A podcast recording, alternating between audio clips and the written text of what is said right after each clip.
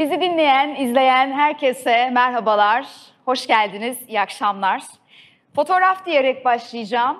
Ee, sadece bir kare fotoğraf bazen en uzun filmlerin anlatamadığını, bazen de hani o an dediğimiz o kavram işte.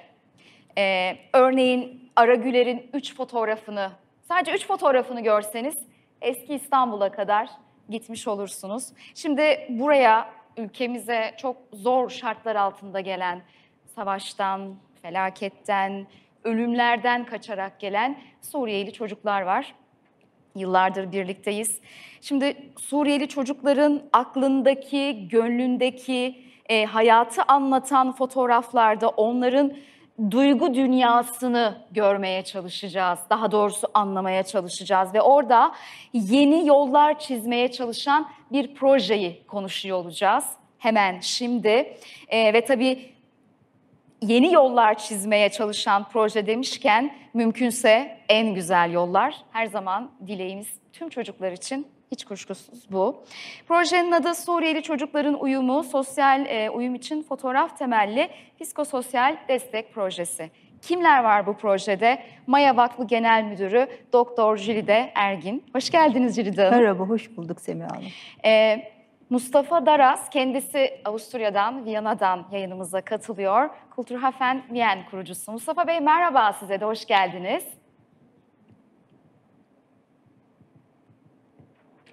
Jülide Hanım, siz... merhabalar, biz teşekkür ederiz. Sizinle şimdi başlayalım. Ee, kaç çocuk vardı? Yaşları kaçtı bu çocukların? Ee, bunu yapmaya nasıl karar verdiniz ve onlara fotoğraf çekmeyi öğreterek neyi amaçladınız? Bununla başlayalım. Çok teşekkürler. Eğer önce izin verirseniz Maya Vakfı'nı çok kısaca tanıtarak başlamak istiyorum ben. E, Maya Vakfı özgür, güvenli ve üretken bir çocukluk geçirmiş, sağlıklı bireylerden oluşan bir toplum olma hayali, bir toplum olma amacıyla kurulmuş bir sivil toplum kuruluşu. E, bunu yerine getirirken özellikle toplumun en dezavantajlı bölgelerinde yaşayan, doğal afet, savaş, göç, e, aile kaybı, ihmal, istismar gibi e, travmatik deneyimlere sahip olmuş çocuklara ruh sağlığı ve psikososyal destek hizmetleri veriyoruz. 5-24 yaş arasındaki çocuk ve gençlere ulaştığımız bir modelimiz var ve bu model tamamen Maya Vakfı'na ait özgün bir model. Ee, bu modelde neler var derseniz içinde yaratıcı sanat terapileri ve psikolojik iyileşme becerilerini temel alan bir psikososyal yaklaşım var. Ee, bahsettiğimiz bu fotolift projesiyle ise e, 14 ile 18 yaş arasında olan e, çocuklara ulaştık. Yaklaşık 82 tane e, çocuğu hedef aldık. 82 çocuk bu programdan başarıyla çıktı. E, sivil toplum diyaloğu 5. dönem e, çağrısını okuduğumuz zaman e, aklımıza var olan bu projektif modelini nasıl biraz daha ileri götürürüz, nasıl bir üst seviyeye çıkarız bunu bir taraftan düşünmeye başladık. Maya Vakfı'nın uyguladığı model aslında e, görsel sanatları, dans, müzik ve hareket terapisini içeren bir yaklaşımı var. Peki dedik niye buna fotoğrafı da katmayalım? Hı hı. Ve böylece fotoğraf ve sosyal uyum diye bir proje kurgulamaya başladık. O dönemki çağrının olmazsa olmazlarından biri de Avrupa Birliği'nde e, üye olan ülkelerden bir ülke bulmak ve bir ortak bulmaktı. Oradan bir paydaş bulmaktı. E, fotoğraf alanında, sosyal uyum alanında kimlerle çalışabiliriz diye araştırma yaparken e, yolumuz Avusturya'da Kültürhafen Viyen ile kesişti. Evet, kesişti. Ve onlarla birlikte çalışmaya başladık. Evet. E, onlar da Viyana'da uzun yıllardan beri mülteciler, göçmenler ve yerel halk arasında fotoğrafı kullanarak kültürel faaliyetler geliştiren bir sivil toplum kuruluşu. Peki Jülden, çocuklar önce fotoğraf çekmeyi öğrendi. Bunun için bir atölye çalışması mı yaptınız? Ee, evet, e, çocuklar e, ilk başta bir üç günlük bir e, atölye çalışması yapıldı. E, tamamen akran deneyimine e, olduğu ve şiddetsiz iletişimin olduğu bir e, çalışma yapıldı. Önce kendi psikososyal destek çalışmaları yapıldı. Fotoğrafla ilgili teknik bilgiler verildi ortağımız tarafından ve en son foto safari dediğimiz e, bir bölgede İstanbul'da çıkarak objektiflerin arkasından kendi gözlemleriyle İstanbul'u sergilediler ne görmek istedilerse, neyi çekmek istedilerse evet. özgür evet. bir şekilde ki bunun sonra sergi boyutu var onu da konuşacağız. Hemen Mustafa Bey'e dönelim. Mustafa Bey, e, siz teknik anlamda destek verdiniz değil mi? Nasıl dahil oldunuz projeye?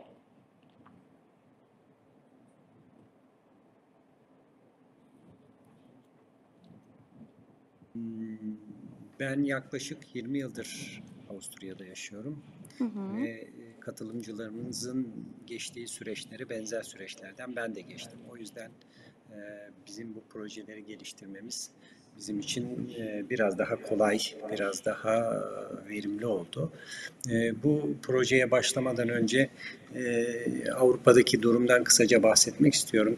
Fotopedagoji, foto, fototerapi çok yaygınlaşan çalışmalar değil.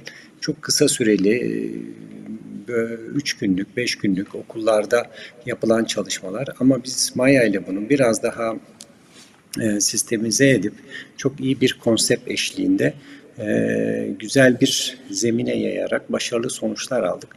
O yüzden Avrupa ve dünyanın diğer kısmında yapılan pedagojilerden biraz daha farklı e, duruma getirdik. Çünkü Maya'nın e, terapi becerileri, Maya Vakfı'nın e, terapi sosyal, alosyal alandan geliyor olması katmış oldu. Katmış oldu. Siz bu Evet. şekilde bunu hayata geçirmeye karar verdiniz. Peki projeye hangi yönüyle destek verdiniz Mustafa Bey? Bu çocuklara nasıl dokundunuz? Ee, Biz projenin e, uygulamasında, proje yazılımında çok etkin e, Maya ile birlikte rol aldık. E, Daha önce buna benzer projeler yapmıştık. Bunları alıp Maya ile birlikte psikoterapotik bir ortama taşıdık. Ve bu uygulamalar sırasında ben bizzat bu workshoplara, atölye çalışmalarına, atölye çalışmalarına katıldım. E, geldiniz. Çalışmalarda benimle birlikte aynı zamanda Tabii ki bütün workshopların içinde bulundum. Benimle birlikte yine Mayo'dan katılan bir psikolog arkadaşımız vardı. Onunla birlikte bu çalışmaları, workshopları geliştirdik. Bu şekilde oldu. Tabii o çocuklar sizlerle neler paylaştılar, duygularını nasıl tarif ettiler, eee, ne hissettiniz bunları da soracağım. Dilerseniz şimdi yanıtlayabilirsiniz. Buyurun. En çok sizi etkileyen ki. ne oldu bu çalışma Tabii ki. sırasında? E, Ben kendi dilimde Türkçe'de böyle bir çalışmayı ilk defa yapıyorum. ilk defa yaptım. O yüzden benim için özel bir yeri oldu bu çalışmanın. Daha önce Avrupa'da buradaki belediyeye ait, e, devlete ait bir takım kurumlarla, okullarda, e, sivil toplum örgütleriyle çalışmıştık ama Maya gibi bir vakıfla, bir sivil toplum örgütüyle çalışmamıştık. O yüzden benim için özel bir yeri var bu çalışmanın. Türkçe olması anlamında. Çünkü ben ilk defa Türkçe kullandım Gerçekten e, mi? bu proje çalışmasında. E, Evet, Türkçe konuşulduğu için çevirdik bunları tabii. Arapça çeviriler de oldu çocuklar için. E, Çocukların ilk defa okul ve aile dışında e, gittiği bazı derneklerin dışında özgürlüklerini yaşadıkları, Wow. e, kendilerini ifade ettikleri bir ortam oldu. Bu çocukların kişiliğinin gelişmesi için e, çok önemliydi. Yani bu topluma ait olduklarını, onlar için bir yer olduğunu, onlar için bir şeyler yapıldığı gösterilmiş oldu. Bu yüzden hepsi çok etkilendi ve e, yaptığımız e, feedbacklerde, geri dönüşümlerde aldığımız en önemli şey mutluluk. Mutlu oldular, çok mutlu oldular. Yani e, ve Onlar çok birçoğu mutlu olunca birbirinden bağımsız siz ne şekilde acaba Mustafa Bey? Size dönüşü nasıl oldu? Biz de çok du- du- çok duygulandık tabii. Yani e, sorunlu anlarımız da oldu. Bu sorunlu anlam, anlarda zaten projenin e, amaçlarından bir tanesi bu. Çatışmaları ve gerilimleri yaratıp Maya'nın yöntemiyle e, bunları çözebilmekti ki bunlar da amacına ulaşmış oldular. E, biz de bunları çok güzel değerlendirdik. Yani teknik olarak da bundan çok faydalandık yani. Ne mutlu. Ben zaten daha önce de söylediğim gibi evet bu aşamadan geçmiş birisi olarak yani e, göç göçmen olmak, göç etmek çok zor bir süreç yani. Bu insanın sıfırdan başlaması hayata, bütün birikimini, ailesinin birikiminin yok olması ve Evet. yeniden bir şeyler kurması büyük cesaret ve büyük güç isteyen bir şey Evet. yani. Maddi manevi sıfırdan Evet. başlamak. Hani sadece ailesiyle e, sağ olan anne Kesinlikle. babasıyla yurt değiştirmek değil. Kesinlikle. Belki de anne babayı e, kaybetmiş bir şekilde yeni bir hayata, yeni bir ülkede başlayabilmek. Evet kuşkusuz çok e, zor.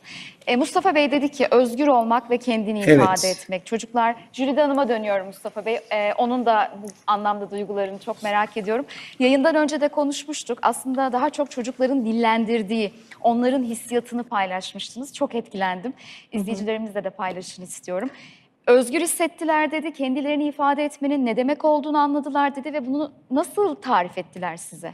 Ee, bir taraftan da şöyle bir şey, biraz önce Mustafa'nın bahsettiği gibi atölyeler sırasında fark ettik ki aslında 14-18 yaş arasındaki bir gençlerden bahsediyoruz. Ee, fakat dezavantajlı gençler, ihmal edilmiş gençler ve travmatik gençler. Ee, travma travma diye sürekli altını çiziyoruz çünkü travma ne yazık ki nesilden nesile epigenetik olarak da aktarılan bir şey ve çocukluk çağında eğer bir travmanız varsa bunu ne kadar erken çözerseniz o derece hayatla barışık, o derece iyi bir halde yaşamaya devam ediyorsunuz.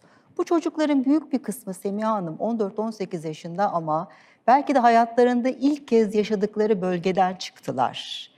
Ee, bu yaşadıkları bölgeden çıkması, e, bu şehirde yaşamalarına rağmen, İstanbul'u görmelerine rağmen, İstanbul'u bilmelerine rağmen girmedikleri bazı bölgelere girdiler ve orayı resmettiler. Or, or- or- oraların fotoğraflarını çektiler. Bu onlarda inanılmaz bir bir değişim ve parça. dönüşüm yarattı. Yaşadıkları şehri tanıdı, birbirlerini tanıdılar, birbirleriyle ilgili geri bildirim verdiler. E, bunlar tabii çok önemliydi. E, biraz önce siz aslında çok güzel bahsettiğiniz fotoğrafla ilgili. E, aslında fotoğrafın tanımını yaparken ışığa iz bırakma olarak tanımlanıyor bazı yerlerde. Bu benim de çok hoşuma giden bir tanım. Bizim sergimizin ismi de aslında ışığın izinde. E, biraz sonra belki e, onunla ilgili de... e, Fotoğraflar çekildi ama evet. orada kalmadı. Bir de sergilendi. Evet, orada kalmadı. Bir sergi yapıldı. Ben şöyle ışığın izinde diye bu e, sergimizden e, bir e, albüm hazırlandı. Normalde bu sergiyi sadece İstanbul'da sergileyebildik. Aslında bizim en büyük amacımız oraya bu fotoğrafları çeken çocukları, gençleri de oraya getirmekti. Ama malum geçen sene Pandemi. Covid nedeniyle, pandemi nedeniyle ne yazık ki onlar gelemedi ama online sergimiz halen açık. Ve çocukların her birine biz bu albümü e, ulaştırdık. Ben buradan eğer izin verirseniz çok minik iki anekdot tabii, aktarmak tabii. istiyorum. Onların hislerine Ee, ilişkin değil mi? Evet, e, bir kız çocuğu e, 14 yaşında şöyle yazmış. Üç gün sonra şu anda çok güzel hissediyorum. Çok kısa bir süreydi ama en güzel kısa süreydi. Buraya gelmeden önce çok heyecanlıydım. Burada çok şey öğrendim. Fotoğraf çekmekten daha fazla ve farklı şey öğrendim. Bir de bir e, erkek bir gencin söylediğini okuyacağım. O da çok e, hoşuma giden şeylerden bir tanesi. Kişiliğimle alakalı farkında olmadığım şeyler keşfettiğimi hissettiren bir deneyimdi. Gelecekteki mesleğim olabilir. Ya, yani fotoğrafçılığı güzel. gelecekteki mesleği olarak görebilen bir gencimiz de oldu aramızda. Ben açılışta e, hani şey demiştim ya belki de mümkünse en güzel yolların onlara açılması, vesile olmak işte yani e, bir ışık belki de e, yapmak istediği iş, meslek ileride bu olacaktır. Bu anlamda çok e, Evet, çok faydalanmıştır. kıymetliydi bu deneyimler. Şimdi sergi pandemi sebebiyle tabii online mecburen Evet şu anda gün halen evet gidip- online açık. Normal koşullar olsaydı bu sergi aynı zamanda Viyana'da da sergilenecekti. Ee, zaten bu e, Avrupa Birliği projesinin asıl amacı bu. E, sivil toplum diyaloğu yani ülkelerin birbiriyle karşılıklı bir deneyim paylaşması. Bunu arzu ettiğimiz koşullarda yapamadık ama elimizde bununla ilgili çok güzel bir model var. Biraz önce Mustafa'nın bahsettiği gibi bu yöntem, fotolift yöntemi başka travmatik deneyimlere maruz kalmış çocuklar üzerine uygulanabilir. Başka ülkelere, başka kültüre adaptasyon da sağlanarak uygulanacak bir model çıkarmış olduk. bitince üzüldüler mi? Devam etmek istediler mi? İstediler, istediler. Evet yani o üç gün boyunca süren o şey e, etkileşim uzun bir süre devam etti. Peki aklınızda kalan arasında. etkileyen fotoğraf var mı size? Ee, yani açıkçası dürüst olacağım. Ee, sergi sırasında da e, bu albümü hazırlarken de e, küratörümüz Melih Akollu ile birlikte Ee, bütün fotoğraflara yer verilmesi gerektiğini zaten konuşmuştuk ama hani böyle ön plana çıkan bir albüm kapağı olsun diye e, çok uğraştık. Her biri çok güzel Semiha Hanım. Yani Eminim. vaktiniz olursa e, exhibition.fotolif.org adresinden lütfen girip de bu sergimizi izleyin. Herkes orada Ee, herkes bakabilir. buna baksın. Ee, bilmiyorum herhalde. Ne gördüklerini merak Mustafa ediyorum. da benimle Neyi- aynı fikirdedir. istediklerini. İstanbul'u onların gözüyle görmek, onların objektifinden, onların bakış açısından görmek e, çok heyecan vericiydi. Peki Mustafa Bey size de aynı soruyu sormak istiyorum. Sizi etkileyen bir fotoğraf karesi var mıydı? Ayrıca e, onların anlatımından hani az önce o kadar güzel ifade ettiniz ki birinin özgür olmak güzel, kendimi ifade ediyor olmak güzel demesi. Yani hayatlarına dokunan tarafları çok çok kıymetli elbette. Buna ilişkin bir hikaye var mı aklınızda yine kalan? Ve dediğim gibi bir Ee, fotoğraf Hikaye karesi. çok birkaçından bahsetmek isterim. Tabii çok seviniriz. Ee, fotoğraflarda daha çok daha çok renklere çok yöneldiler. Çok renkli Hmm. şeyleri çekmek istediler. Acaba neden diye Ee, sormak çok yersiz. O kadar iyi gibi- anlayabiliyorum ki. Buyurun. Evet, evet, evet tahmin edersiniz. Ben kısa bir e, anı anlatayım bununla ilgili. E, Bizim foto safari, Jülden'in bahsettiği foto safari final e, atölyemiz.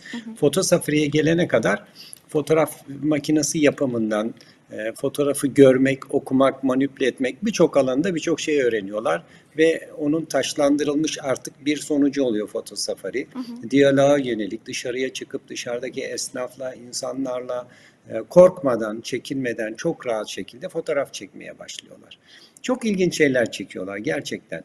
Kızlarımızdan birisi e, sıvası dökülmüş bir duvarı çekti. Ee, bu safari programının öğleden sonrası bölümünde bu fotoğraflar gösteriliyor. Bu fotoğrafın gösterimi sırasında arkadaşlarından birisi söz aldı ve ben bu fotoğraf için yorum yapmak istiyorum dedi. Tabii buyur dedik. Ee, yorumu şu oldu. Çok kötü bir fotoğraf dedi. Gördüğüm en kötü fotoğraf bu olabilir dedi. Keşke dedi siz dedi bu fotoğrafı koymasaydınız. Keşke sen de dedi çekmeseydin dedi. Çok büyük sessizlik oldu. Kimse bir şey söylemedi. Tabii bu aynı zamanda iyi bir şey düşüncelerini böyle açıkça söyleyebilmesi. Ve fotoğrafı çeken arkadaşımız sahneye çıktı. Bunu bir sahnede yapıyorduk Dia Show'u. Ee, Ben dedi bu fotoğrafı çektim. Çünkü benim geldiğim şehirde İstanbul kadar, burası kadar çok güzeldi. Ama şu an benim şehrimin bütün evlerinin duvarları bu şekilde görünüyor. Ben bu fotoğrafa baktığım zaman şehrimi, kendi ülkemi hatırlıyorum. O yüzden ben bu fotoğrafı çektim dedi ve çok tekrar çok büyük bir sessizlik oldu. İnanılmaz bir anda hepimiz için çok duygulandık. İnanın şu an burada Arkadaşı da o sessizlik hemen oldu. koştu, özür diledi. Ee, Arkadaşı döndü, özür diledi. Ee, Esra arkadaşımız, psikologumuz bu konu üzerine çalışmaya devam etti. Ee, Buna benzer çok anlar yaşadık hakikaten. Hepimiz çok etkilendik, çok du- duygulu anlar oldu.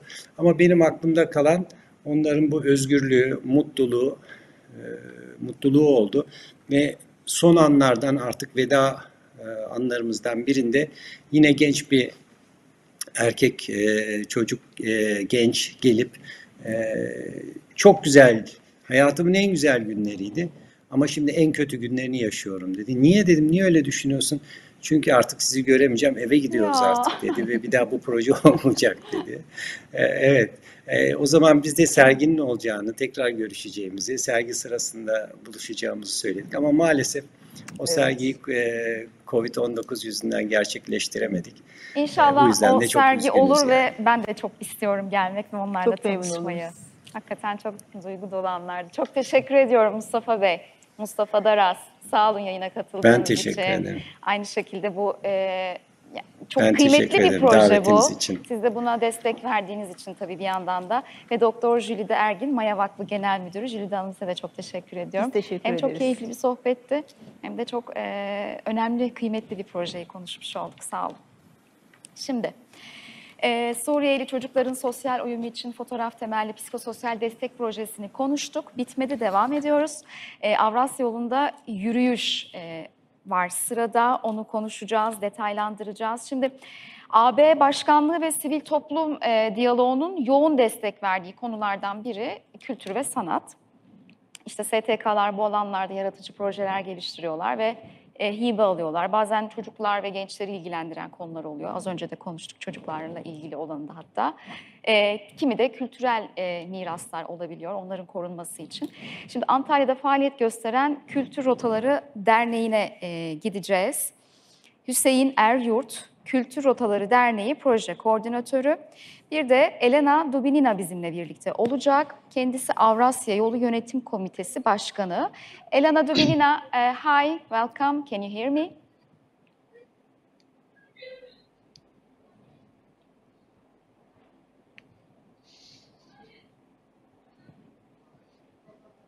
All right. Eh, Hüseyin Eryurt, beni duyabiliyor musunuz? Merhabalar Merhabalar. Hüseyin Bey, hoş geldiniz tekrar yayına.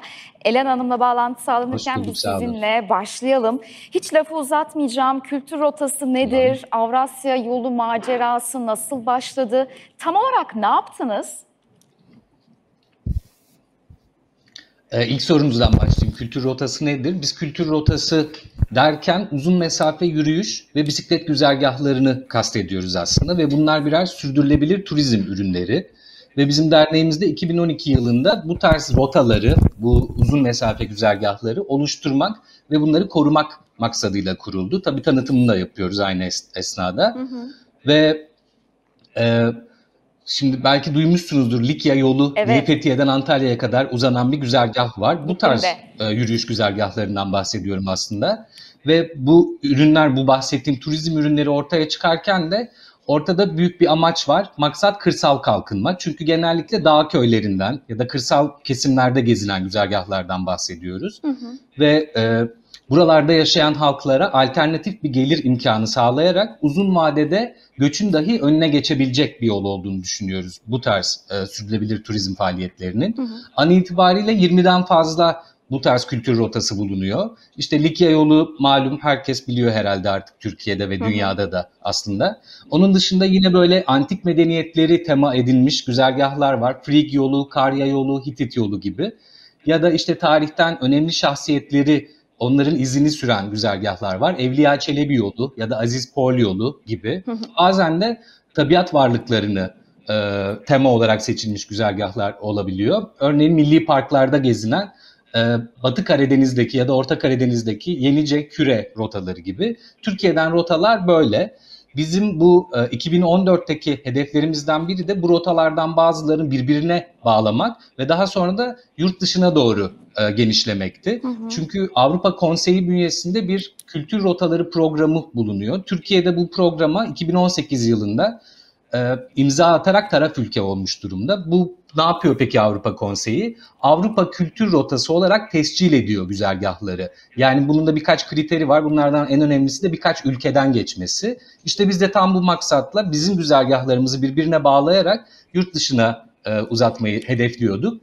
Tam o sırada 2014 yılında İtalya'daki ortaklarımızla tanıştık.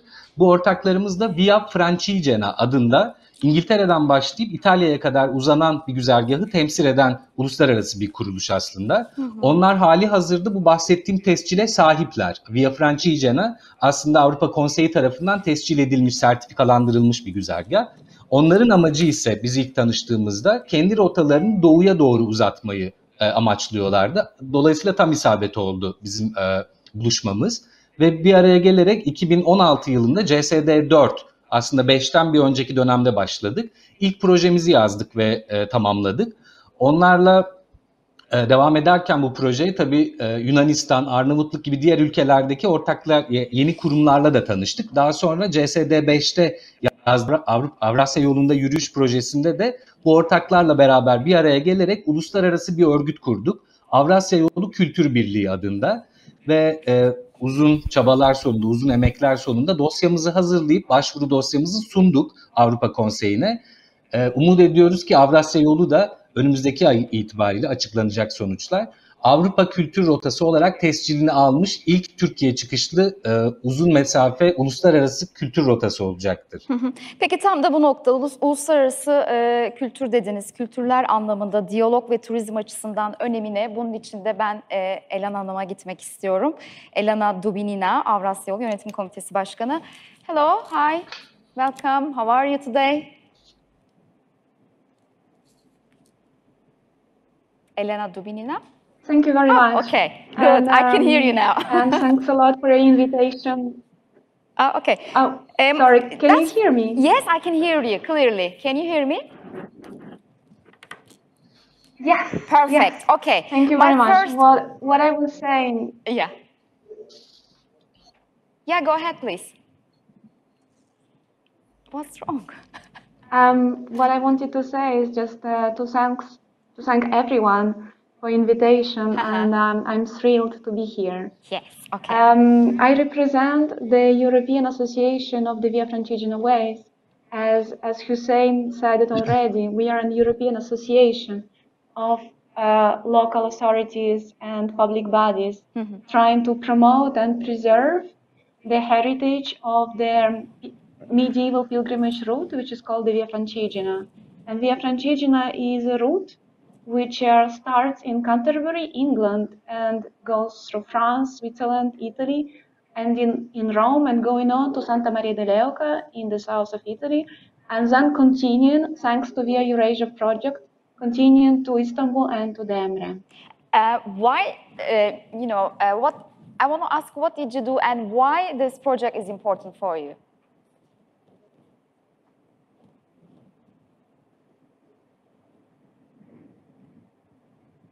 Well, uh, first of all, historically speaking, most of medieval pilgrimages were going to either Santiago de Compostela in Spain, or they would go to Rome, Monte Sant'Angelo in Italy, or they will simply continue to Istanbul and to Jerusalem. So, us working on a cultural route to Rome and Santa Maria de Leuca, it was always clear that we should expand our route to the east as it is a logical continuation and historical continuation of our cultural road. Then also, um, us in the association, we strongly believe in the values of the Council of Europe. The Council of Europe is the European watchdog of human rights, cultural diversity, and intercultural dialogue. So, of course, for us, it is always very important the project about uh, intercultural dialogue. And when we learned about the project of Via Eurasia, of course, we jumped in. Because for us, it was an incredible opportunity to develop um, a route which would cross five countries, five countries of so many different cultures, religions, um, practices, gastronomy. So, of course, uh, this is a great opportunity to learn, to provide knowledge, to do a peer, re- peer review, and also to create uh, this long distance route, which gives a great opportunity for tourists to learn about Sure. the hosting communities and for the hosting communities to learn uh, the stories and um, cul- cultures of all those people visiting the places. Yeah. It is also an opportunity for the rural areas, those areas crossed by the Via Eurasia, because as um, my colleague said, the Via Eurasia crosses mostly rural areas, those areas which are in urgent need of development, of infrastructure, of um, capacity building and um, training and education.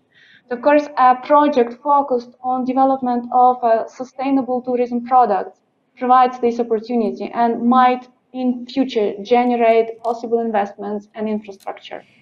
Uh, that is yeah. That were basically the objectives of our participation in the project. Okay. Elena Dubinina, you also, I know, worked for this um, project about registration uh, for international uh, recognition. Uh, so, can you tell us uh, about it also? Was it easy? Um, so on the European level, there is a system of certification of um, routes, cultural routes, which is called Council of Europe Cultural Routes Program. This is a program which exists already for 20 years and um, is based on the Santiago de Compostela Convention. This convention praises walking routes as facilitators of intercultural dialogue, as well as as the places of meeting between locals and tourists. It also speaks about uh, development of sustainable tourism because as we walk along the routes, we do leave almost a zero carbon imprint, as well as we consume the local products, we sleep locally, and we interact with people, and uh, we learn a lot in terms of cultural heritage, traditions, history, and um, natural heritage. That is why this certification program is very important. For the moment, this certification already has about 40 cultural routes, which are very different uh, from each other. And there are some routes, as for instance, the route of Santiago de Compostela or Via Francigena. There is also a Stevenson route, route of the thermal towns, the Napoleon Road. So let's say uh, the family of the cultural routes is very diverse. And for us, for the project of Via Eurasia, that was very important to apply for this certification to prove um, how um, development of rural areas can um, change the situation, can be a game changer for local people living there, and also for tourists coming to visit.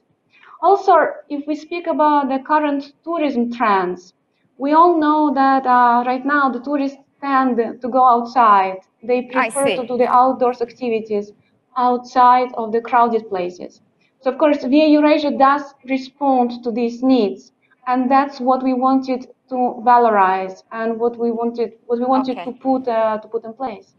Elena thank you very much. Hüseyin Bey çok e, lafı uzatmadan size sormak istiyorum. Az bir vaktim kaldı. Muhakkak ki renkli şeyler de yaşamışsınızdır bu rotalarda. Anlatmak istedikleriniz var mı? Paylaşmak istedikleriniz yerel karşılamalar olabilir ya da aklınızda kalanlar. Aslında var. Ee, Bizim Roadshow diye bir etkinliğimiz olmuştu. Hı. Ee, Demre'den, Antalya Demre'den yola çıktık. Bir minibüsü rengarenk süsledik.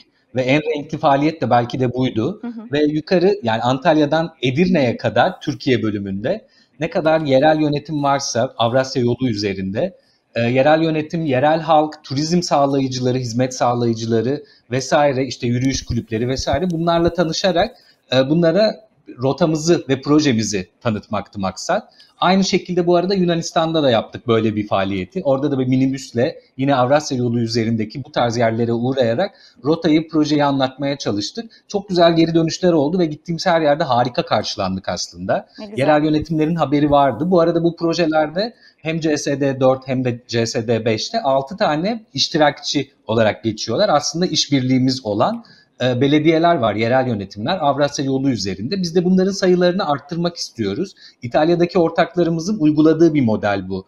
E, belediyelerle birlikte çalışmak. Biz Türkiye'de de benzerini yapmak istiyoruz. Bu roadshow'lar esnasında da bu belediyelerle tanıştık. Bizim de daha önce temasımız olmayan belediyelerdi e, bazıları.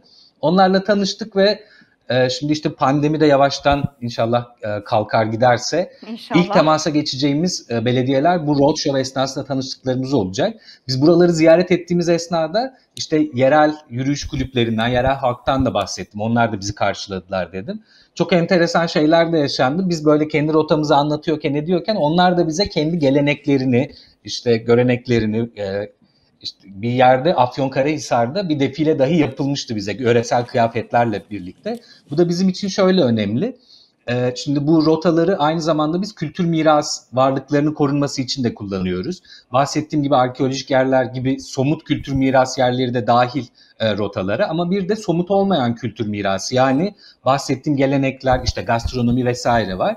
Dolayısıyla bu roadshow'da biz aslında bunlara da şöyle ufak ufak bir girizgah yapmış olduk. Orada neler olduğunu tespit etmiş olduk yerel halkla birlikte.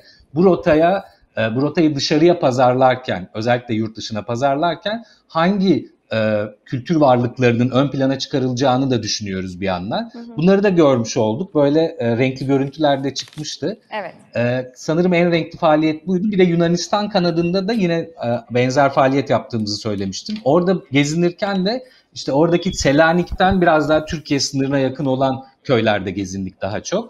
Ee, oralardaki bazı belediyelerin başkanları Türkçe biliyorlardı. Aa, Ee, ya da zamanında işte Türkiye'den oraya giden ailelere ait e, bireylerdi.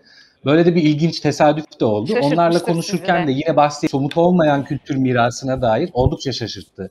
Somut olmayan kültür mirasına dair orada da neler var neler yok beraber üzerinden geçtik e, oradaki e, yeni temaslarımızla. Bu da çok güzeldi. Ee, anlattıklarınız da çok keyifliydi. Devam edelim isterdim ama tamamlıyoruz Hüseyin Bey. Süremizin sonuna geldik. Çok çok teşekkür ediyorum katıldığınız için. Hüseyin Ertürk, Kültür Otaları Derneği ederim. Proje Koordinatörü ve Elena Dubinina, Avrasya Yolu Yönetim Komitesi Başkanı kendisi. Biz tamamladık bu iki önemli projeyi konuştuk ama sivil toplum diyaloğu yayınları devam edecek.